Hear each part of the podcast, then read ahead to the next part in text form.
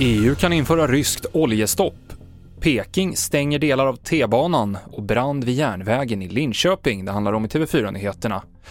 Men vi börjar med att berätta att ytterligare en man har begärts häktad misstänkt för inblandning i en skjutning i Lidköping i mars då en man dog. Sen tidigare så sitter en man häktad och åklagaren begär nu även att den häktningstiden förlängs.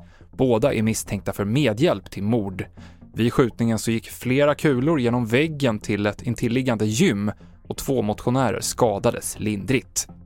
Det brinner kraftigt i pappershögar på en återvinningsstation i Linköping och det är risk att branden sprider sig, men byggnader ska inte vara hotade i nuläget, säger räddningstjänsten till Korren.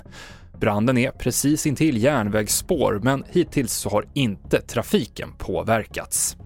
Under förmiddagen så presenterades nya sanktioner mot Ryssland av EU-kommissionens ordförande Ursula von der Leyen. Det handlar bland annat om ett förslag om importförbud av all rysk olja. Importen ska fasas ut inom sex månader. Så här säger vår utrikeskorrespondent Therese Kristiansson om det. Ja, det är ju en väldigt eh, svår balansgång förstås att se till att alla har den energi de behöver i, inom Europa. Jag tänker på alla de människorna som jag mötte i Ukraina förra veckan som ju väldigt många talade om just oljan och eh, hur viktigt det var för deras känsla av stöd och så att just de här sanktionerna kom.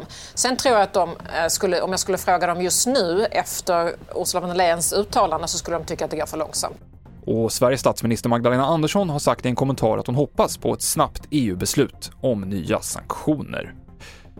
Runt 40 tunnelbanestationer i Peking i Kina stängs som ytterligare en åtgärd mot spridningen av coronaviruset.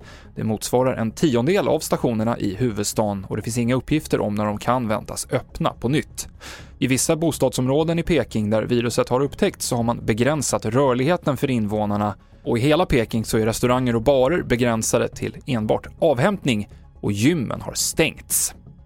Fler nyheter finns på tv4.se. Jag heter Mikael Klintevall.